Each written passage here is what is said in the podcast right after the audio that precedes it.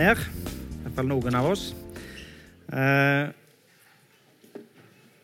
og vi skal gå inn på det som er tema for møtet i dag. Eh, som det for så vidt står på folderen her, så er temaet 'La viljen din skje'. Eh, og det skal vi snakke litt sammen om nå. Før vi leser teksten vår og går i gang med temaet, så vil jeg bare nevne at der, der, denne høsten så har vi et fokus på bønn. Og vi har Fader vår som tema. Eh, og de som er i forbønn og veiledningstjenesten, har òg tenkt på dette, og, og i lag med eh, for så vidt meg og styret, eh, men har lyst til å invitere til bønnemøter i høst. Og nå har dette huset her lange tradisjoner for å, for å ha bønnemøter. Eh, til og med på, altså De hadde på mandags formiddag lenge, og der er bønnevitnemøte, var bønnevitnemøte på, på onsdagene. Eh, som nå heter bibellesning. og Der er for så vidt bønn der òg, altså, så det er ikke det. Men vi hadde lyst til å slå et slag for bønnemøter og invitere til bønnemøter. Eh, men da vil vi gjøre det så at eh, vi inviterer til noe som vi kaller for hvilepuls. Og sier at vi skal få lov å hvile og få lov å komme her i storsal klokka halv ni. Og så er det åpent bønnehus i en halv time ca. Altså Det kan godt gå utover det, men, men vi sier i utgangspunktet at det er en halv time fra halv ni til ni. Eh, og Der kan du komme i fem minutter, eller du kan komme i et kvarter, eller du kan være i en halv time, eller, eller lenger enn det. for så vidt òg. Eh, men det er liksom fra halv ni til ni at vi får lov å sitte her, være i bønn. Eh, du kan være helt tålig og be med deg sjøl om du vil, eller du kan gå og tenne lys eller skrive bønneemner og gå til forbønn og veiledning, for så vidt. Men at det der er ei bønnestund her klokka halv ni. Den første onsdagen det er den 24. oktober. Eh, det blir to iallfall i høst, men den første er 24. oktober. Bare så dere vet det. Så er det bibellesende klokka halv åtte den onsdagen. Så hvis du vil ha et lengre møte, for å si så, så kan du gå på bibellesende klokka halv åtte og så være med på bønnemøte klokka halv ni. Eller du kan komme klokka halv ni, eller for så vidt ti på ni, eh, når det passer for deg. Eh, og Så skal jeg si to ord om nattværen til slutt i dette møtet. For etter talen nå så blir det en solosang. Og etter solosangen så går vi over i nattværsdelen. Og De som da har lyst å ha med ungene på nattvær, de må gå ned og hente ungene sjøl og ta med, ta med ungene, sånn at ungene er foreldrene sitt ansvar da òg under nattværen òg, for å si det sånn. Eh, og så er vi i gang nå med høstens tema, som er Fader vår. Eller Vår Far, der, som det står i den nye oversettelsen. Og Vi har hatt to møter tidligere i denne serien. Eh, og I dag er vi kommet til 'La viljen din skje på jorden slik som i himmelen'. La viljen din skje på jorden slik som i himmelen. Og til slutt, etter talen min, så lar jeg det være stilt i to minutter. Eh, sånn at du kan få lov å be eh, for deg sjøl, med deg sjøl. Og så står det noen bønneemner i folderen som allerede er blitt gjort oppmerksomme på. Og så ber vi Fader vår til slutt, etter det har vært stilt i to minutter. Fader vår den finner du òg i, i folderen, midt på. Hvis du åpner den, så står han midt på der. og så er den egentlig henta fra Matteus 6. Men det står Fader vår, vår Far i himmelen. La navnet ditt helliges, la riket ditt komme. Og så det som er temaet vårt i dag, la viljen din skje på jorden slik som i himmelen. Så fortsetter han, gi oss i dag vårt daglige brød og tilgi oss vår skyld, slik også vi tilgir våre skyldnere. Og la oss ikke komme i fristelse, men frelse oss fra det vonde, for riket ditt, og makten og æren i evighet. Og Hvis du vil, så kan du ta en kulepenn som det lå i benkeradene, eller hvis du har med deg en, så kan du streke under 'La viljen din skje' på jorden slik som i himmelen, som er tema i dag. Og Nå passer i grunnen dette temaet voldsomt bra her i bedehuset. Eh, og Her har de forberedt dette møtet helt siden 1940, når de lagde det bildet der. Eller 41, eller hva det er. For da setter de opp det på, på veggen i bedehuset. La viljen din skje. Eller som det står eh, på denne teksten, så står det 'Dog skje ikke min vilje, men din'. Og nå vet ikke jeg med dere, men jeg har sittet mange ganger i dette bedehuset og sett på dette bildet.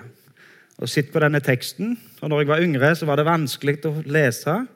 For det er ikke helt vanlige skal si, trykte bokstaver. Men jeg har i alle fall fått det med meg. Fader, om du vil, da la denne kalk og meg forbi. Dog skjer ikke min vilje, men din. Fra Lukas 22. Og Den står også i folderen og står øverst på, på det som det står notater til talen. Og så har jeg lyst til at vi leser hele den teksten. Fra Lukas 22, fra vers 39. Så gikk han ut og tok veien mot Oljeberget, som han pleide, og disiplene fulgte ham. Da han var kommet til stedet der, sa han til dem, be om at dere ikke må komme i fristelse. Han slet seg fra dem så langt som et steinkast, falt på kne og ba. Far, om du vil, så ta dette begeret fra meg, men la ikke min vilje skje, men din. Da viste en engel fra himmelen seg for ham og styrket ham, og han kom i dødsangst og ba enda mer inntrengende, så svetten falt som bloddråper ned på jorden. Da han reiste seg fra bønnen og kom tilbake til disiplene, fant han dem sovende, overveldet av sorg. Jesus feirte påske i lag med disiplene sine. Og Så gikk han til den hagen som heter Getsemanehagen. Og så ba han disiplene om nå må dere være her og be med meg. Ha bønnemøte her i lag med meg. Og Så gikk han et stykke videre, og så lå, lå, la han seg på kne og ba til sin far. Han som lærte oss å be vår Far i himmelen. Han ligger nå på kne, og så roper han til sin far. Og han som lærte oss å be 'la viljen din skje', han ber nå nettopp dette. At Gud, hans fars vilje, må skje. Og så er dette det store spørsmålet, da. Hva er Guds vilje? Og Det er et stort og mange ganger vanskelig spørsmål. Samtidig så har jeg lyst til å si at det er ikke alltid vanskelig å vite hva som er Guds vilje. La meg ta et helt banalt eksempel. da. Bare for å poengtere at noen ganger er det lett å vite hva Guds vilje er. Altså Hvis du er i forretningen og så har du lyst på en sjokolade, og så er det mange sjokolader der i hylla, ikke sant? er det da Guds vilje at du tar den sjokoladen og går ut? Eller er det Guds vilje at du går i kassen og betaler den? Tåpelig eksempel, gjerne, ikke sant? Men det er ganske tydelig og greit og lett å forstå at det ikke er Guds vilje at du skal stjele. For det står i Guds bud at du ikke skal stjele. Og De ti bud gir oss egentlig ganske lett forståelig innsikt i hva som er Guds vilje. Men det som er så annerledes med Guds vilje og Guds bud og Guds lover, er at Gud egentlig er mest interessert i motivet.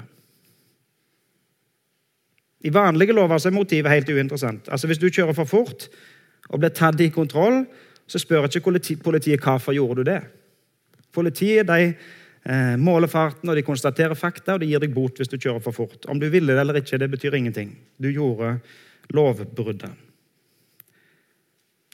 Men i,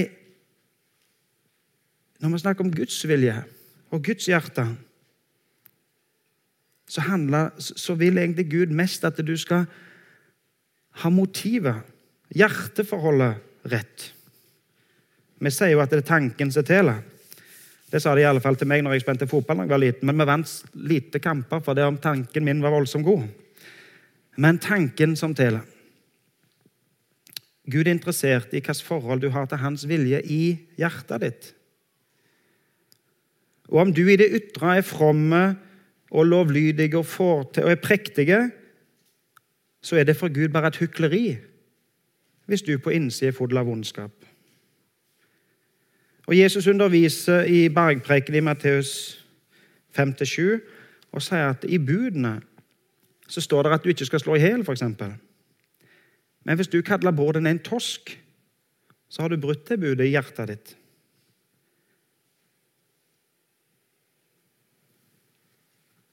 Gud er interessert i motivet. Gud er interessert i hjertet ditt, i forholdet ditt til Han.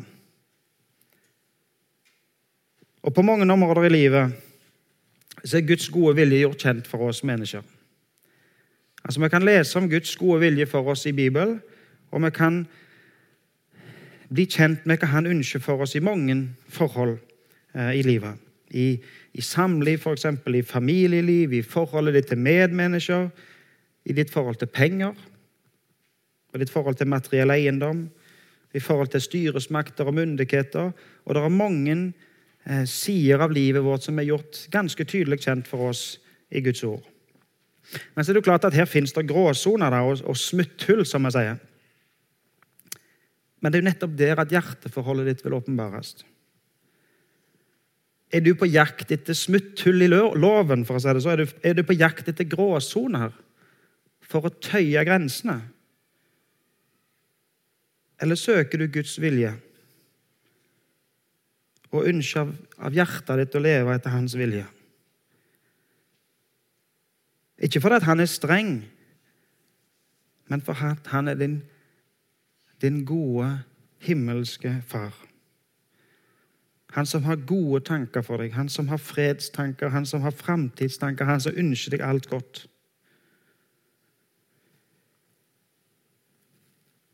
Og så blir standarden for våre motiver, for våre ønsker og for våre hjerteforhold Idealet er jo Guds hjerte. Og hva er hans motiv, da? Hva som driver han, og hva som styrer hans handlinger? Jesus han tok med seg disiplene sine eh, i Getsemanehagen. Og så tok han de med inn i hagen, sånn som vi leser i vers 40, og sier at nå kom de fram til stedet. Og han sa til dem, be om at dere ikke må komme i fristelse. Jesus ønsker å ha oss med inn i sitt hjerte, i sitt bønneliv. Vær her og be i lag med meg. Og Så blir det så trist å lese i vers 45 når Jesus kommer tilbake til disiplene, og så finner de sovende. Og så klarte ikke disiplene hans um, å være med, sånn som de kanskje burde. Sånn som vi tenker hadde vært bra. Men Jesus lå og be, ba i, i Getsemane. Og når Jesus lå der og ba, så ba han om å få lov å slippe. I vår oversettelse så står det her um, i vers 42.: Om du vil, så ta dette begeret fra meg. Eller som det står her på, på teksten på den gamle oversettelsen Fader, om du vil, da la denne kalk og meg forbi. La meg få lov å slippe. Jesus var i en ekstremt vanskelig situasjon. Han opplevde noe ekstremt vanskelig, noe vondt. Og han var redd. Og han var i dødsangst, står det. Og så ber han til sin far om å få slippe.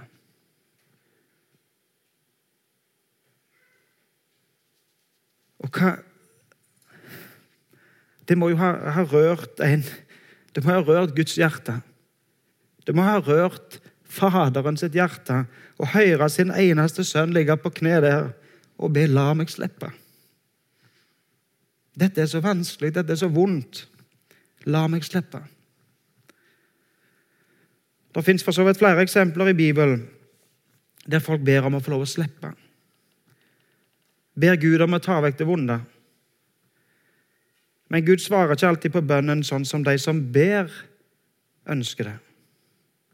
Men hva er da Guds motiv når han svarer på bønn? Hva er hans hjerte? Vi skal lese et vers som sier noe om Guds motiv, om Guds hjerte. Det står i folderen i det første Timoteus 2,4. Der står det 'Han som vil'. Hva vil Gud? Han som vil at alle mennesker skal bli frelst og lære sannheten å kjenne. Han som vil at alle mennesker skal bli frelst og lære sannheten å kjenne. Paulus ba til Gud om å få lov å slippe en, en, en, vanskelig situasjon. Han hadde noe som var vanskelig, og så ba han til Gud. Tre ganger ba han til Gud om at Gud måtte ta det vekk. Og så svarer Gud på bønnen, men ikke på den måten som Paulus ba om. Gud svarer Paulus og sier, 'Min nåde er nok for deg'. Og Gud tillater at Paulus opplever og går gjennom vanskeligheter. Og så er det som er vanskelig, er med på å holde Paulus ned til Gud og ned til Guds nåde. Og så er, er kanskje det noe av det som er vanskeligst med bønn. at Gud inviterer oss til bønn. Gud inviterer oss til å be. Gud vil at vi skal komme til Han med alt. Og til og med når alt er mørkt og vanskelig, og vi ikke ser noen annen utvei, så vil Gud at vi skal søke hjelp, ikke Han. Og Han hører våre bønner. Han hører våre bønner, det er 100% sikkert. Og han vil oss kun det beste, det er òg 100 sikkert. Men han svarer ikke alltid sånn som vi tenker er best. Han vil at alle mennesker skal bli frelst.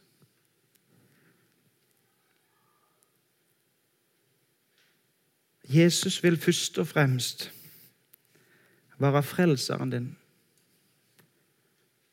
Jesus vil først og fremst at du ser at når han lå der i Getsemane og ba til sin far om å få slippe Men når han ba om at Guds vilje må skje, så visste han at han måtte gå i døden for deg. Han visste hva han måtte gjøre for å bli din frelser. Og så ønsker han mest av alt å være frelseren din. Og at du skal lære sannheten å kjenne.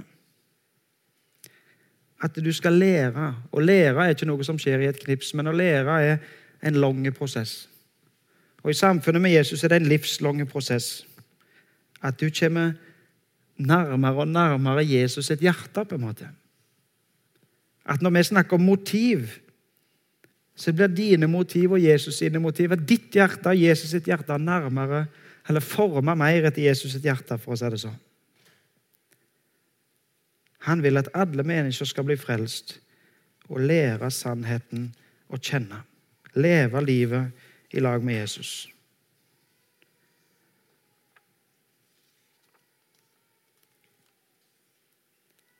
At han vil at alle mennesker skal bli frelst, betyr at han vil at du skal bli frelst. Og så betyr han at alle andre betyr at alle andre òg Jesus ønsker at alle andre også skal bli frelst. Alle her på Vea, alle her på Karmøyene og ut i den store verden. Vi ber for noen av de som vi har fått lov å sende ut eh, når det står bønneemner i folderen.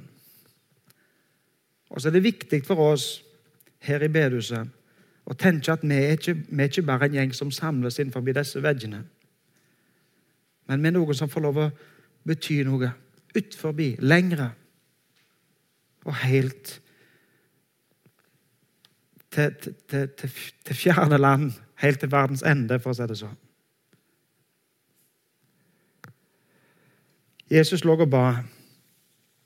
Han hadde det vanskelig, han var redd, og han var i dødsangst. Og han ba, 'La meg slippe, far'.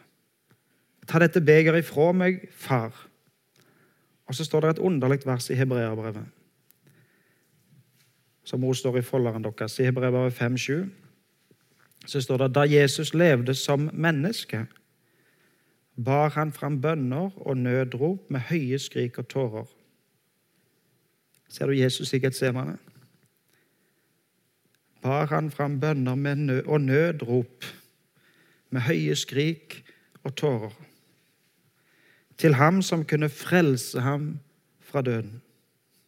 For Gud kunne jo det. Gud kunne frelse han ifra døden. Og så står det helt til slutt i det verset Og han ble bønnhørt. Og han ble bønnhørt fordi han var gudfryktig. Ble Jesus bønnhørt? Jesus slapp jo ikke Altså, han, han måtte jo drikke det begeret for seg. Så han måtte møte det som han egentlig ba om å slippe. De kom jo der i hagen og tok Jesus til fange. De korsfestet han og tok livet av han. Likevel så står det her at han ble bønnhørt. Jesus ble bønnhørt. Når du ber 'La din vilje skje'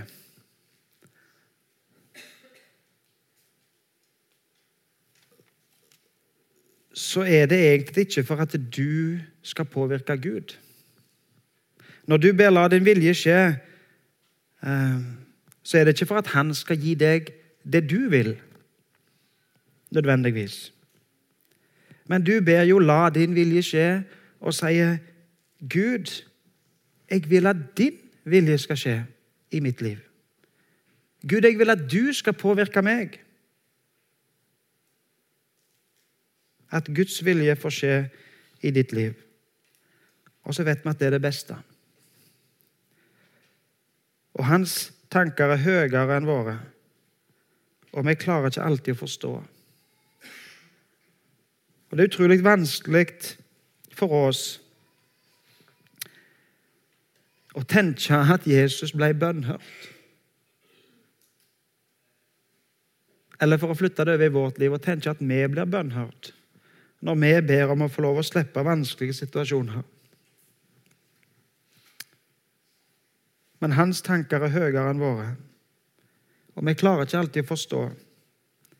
Og Gud ser lenger og høyere. Han ser alt. Og han ser deg. Han hører dine bønner. Det er 100% sikkert. Han elsker deg, og han gav sitt liv for deg. Og så er det en utrolig trygg plass å få lov å komme med sitt liv og si 'Jeg legger mitt liv i dine hender'. Gud, nå må din vilje skje i mitt liv.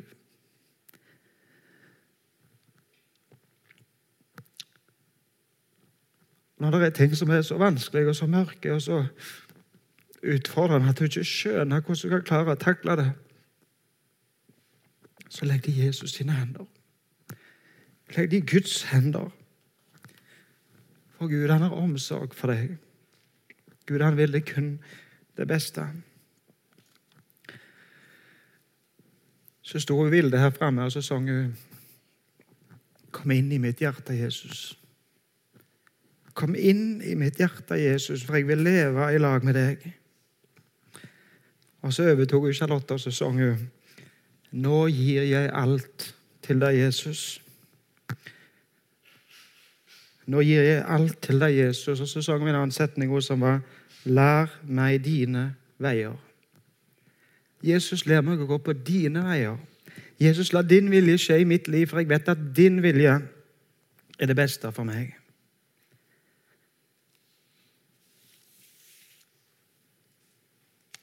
Nå ber jeg en kort bønn, og så er det stilt i to minutter. Kjære Jesus, takk for at du vil være frelseren vår. Kjære Jesus, takk for at du vil at vi skal lære sannheten å kjenne, komme nærmere deg, leve livet vårt nær til deg, så nært at du bor i hjertet vårt. La din vilje skje i våre liv.